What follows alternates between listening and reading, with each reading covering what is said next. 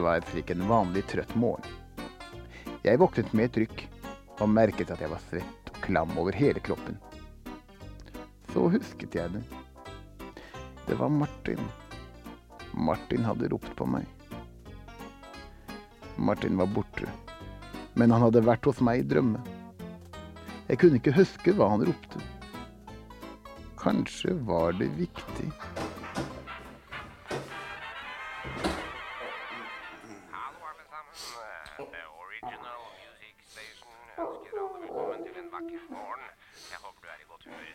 Jeg sto foran speilet, la jeg merke til at nesen min var tørr. Knusktørr. Og jeg var svett og klam over hele kroppen. En eh, uvesentlig observasjon, synes kanskje du.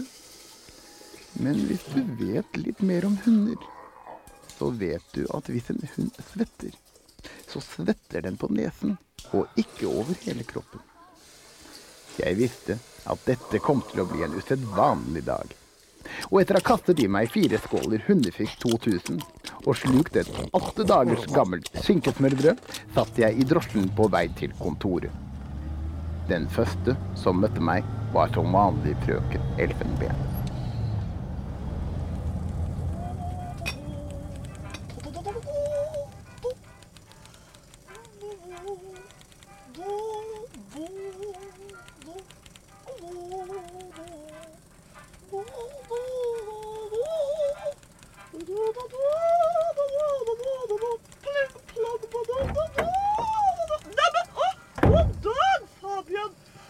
Er det ikke en vakker morgen? Og du ser godt ut i dag, kjære venn. Og så for et nydelig slips! God dag, mumlet jeg og stirret på frøken Elfenben. Hva har skjedd? Er hun syk, hun også?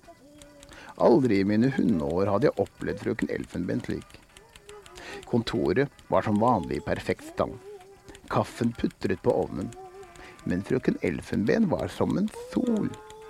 De røde elefantleppene hennes lyste mot meg med et kjempesmil.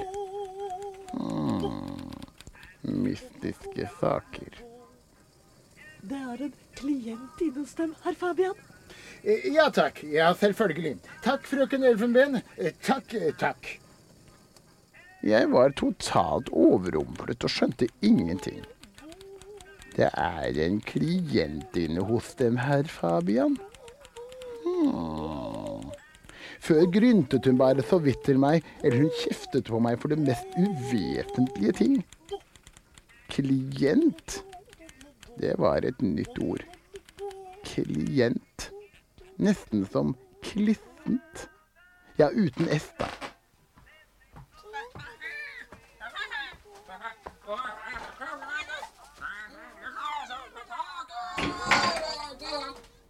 Hva er? Hva er det som foregår her? Her kommer taket. Oi. Ja, ja.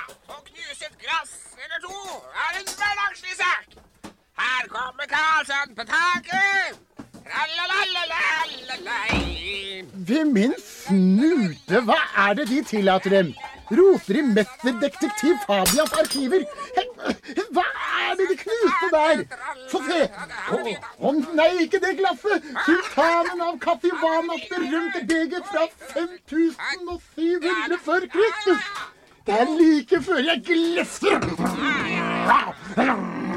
Min gode mann. hei sann, hopp sann. Å knuse er en hverdagslig sak, og dessuten har jeg sikkert 100 000 slike glass hjemme i huset mitt. Du kan sikkert få noen tusen av meg en dag. Eller kanskje 100. Eller ti, da. Eller kanskje et glass. Men eh, hva er det du har der? Oi, å, en eske med konfekt, da. Ah, best jeg vet. Det er ikke konfekt. Det er sommerfuglsamlingen min. Hvem er du, og hva gjør du her? Jeg hadde jo allerede kjent ham igjen, men ville allikevel høre ham si det selv. Dessuten syntes jeg at han var litt annerledes.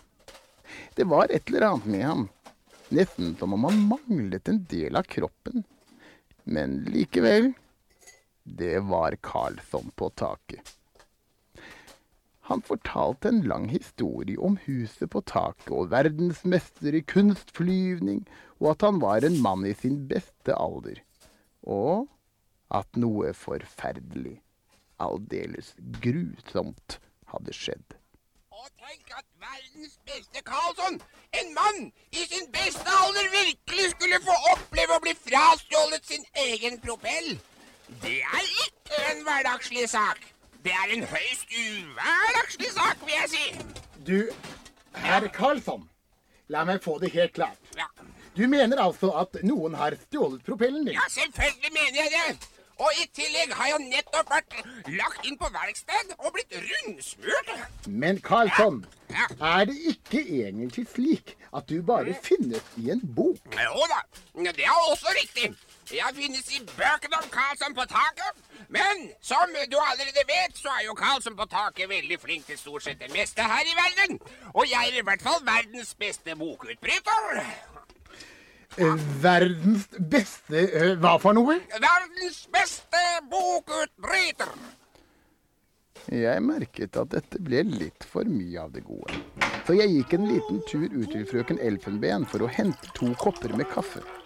Carlsson ville selvsagt ha en kjempekopp med masse sukker og fløte. Ute hos frøken Elfenben var det ikke bedre enn inne hos Carlsson. Hun kvitret som en forstørret lerke og smilte mens hun blunket til meg. Nei, dette ble for mye av det gode. Jeg kjente at jeg svettet og var varm. Kanskje hadde jeg feber. Jeg kunne ikke spørre frøken Elfenben. Og hadde jeg bare hatt Martin her. Han ville forstått meg. Så kunne jeg få ligge og kose meg med bena hans mens han leste avisen. Martin, ja. Hadde jeg bare hatt Martin. Vær så god. Her er kaffe med fløte i stor kopp. Kaller du det der stor kopp? I huset mitt oppe på taket til lillebror, der har jeg store kopper der. Og sikkert 5000 av dem. Ja da, ja, ja, ja, ja, ja, ja. Det har du helt sikkert, Karlsson. Men la meg nå få høre litt mer om denne bokutbrytingen din. Klarer du virkelig på en måte å komme deg ut av boka? Bokutbryting er en enkel sak for Karlsson. Du ville selvfølgelig aldri ha klart det. Noe som er litt verre, er bokinnbrudd. Ved mine værhår. Oh, Hva er det du sier? Kan du bryte deg inn i andre bøker? Min gode Karlsson, det der høres da ganske ulovlig ut. Kanskje, kanskje ikke. Hvem vet? Jeg har gjort det en gang. Ja, det var vel i går. Eh, Akkurat rett før denne propellen ble borte. Jeg hadde akkurat kommet meg ut av min egen bok, og så eh, så jeg en annen som sto litt lenger borte i bokhylla.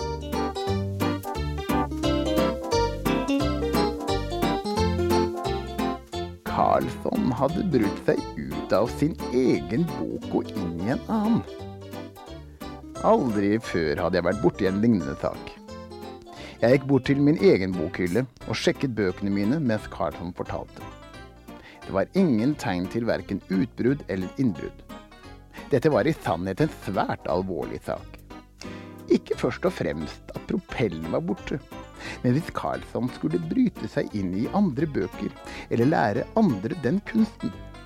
Tenk om Mummitrollene brøt seg inn i Kardemommeby, eller Albert Aaberg havner i en forferdelig bok om drager og dinosaurer. Tenk hvis ulven i Rødhette plutselig dukker opp hjemme hos Ole Alexander Philip Bom Bom Bom. Dette var virkelig en krisesituasjon.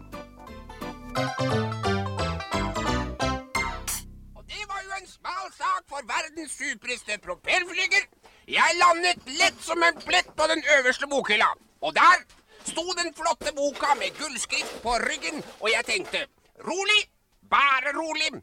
Når jeg kan forlengs, så kan jeg baklengs. Ja, hvordan gjør du egentlig det der? Ja, å bryte deg inn i bøkene. Hvordan jeg bryter meg inn? Nei, det er ikke vanskelig for verdens beste Karlsson. Men for en gammel loppehund som deg er det nå litt vanskelig å forstå. Hva behager?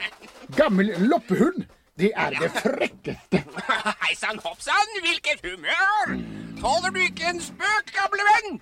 Bekymre deg ikke for det, gamle venn. Du er sikkert meget klok og akkurat passe tykk. Sett deg rolig ned, så skal Karlsson fortelle. Hvor var jeg, jo? Jo, jo, jeg landet altså på bokhyllen.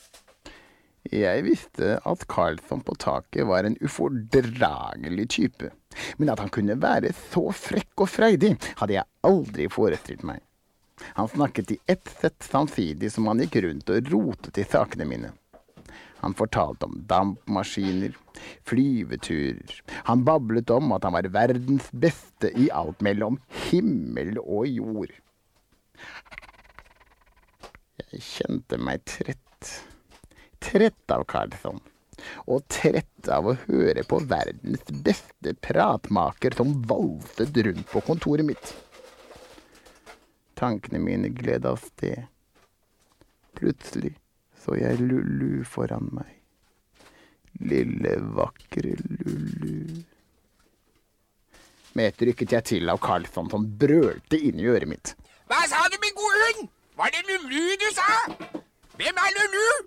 Er det et fruentimmer? Lulu? ah, så en hund i din alder, Fabian.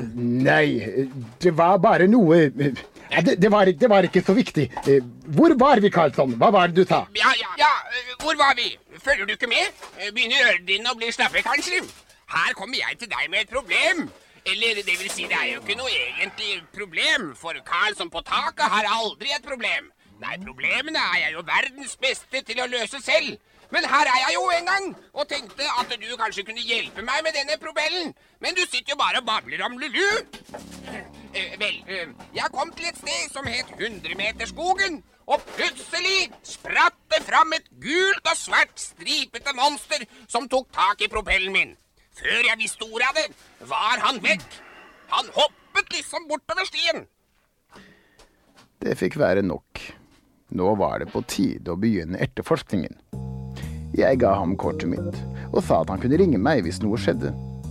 Så skysset jeg ham ut til frøken Elfenben og sa at jeg ville ha oppklart saken i løpet av kort tid. Frøken Elfenben ga meg en kopp sort kaffe og et stykke mørk kokesjokolade. Det beste jeg visste. Hun var nok ikke helt ved sine fulle fem i dag. For ellers hatet hun at jeg spiste mørk kokesjokolade. Her lå det noe bak. Jeg fant frem noen vedkubber og tente opp i peisen. Egentlig ønsket jeg meg tilbake til drømmen om Lulu. Men jeg merket at de små grå allerede var opptatt med Carlssons forsvunne propell.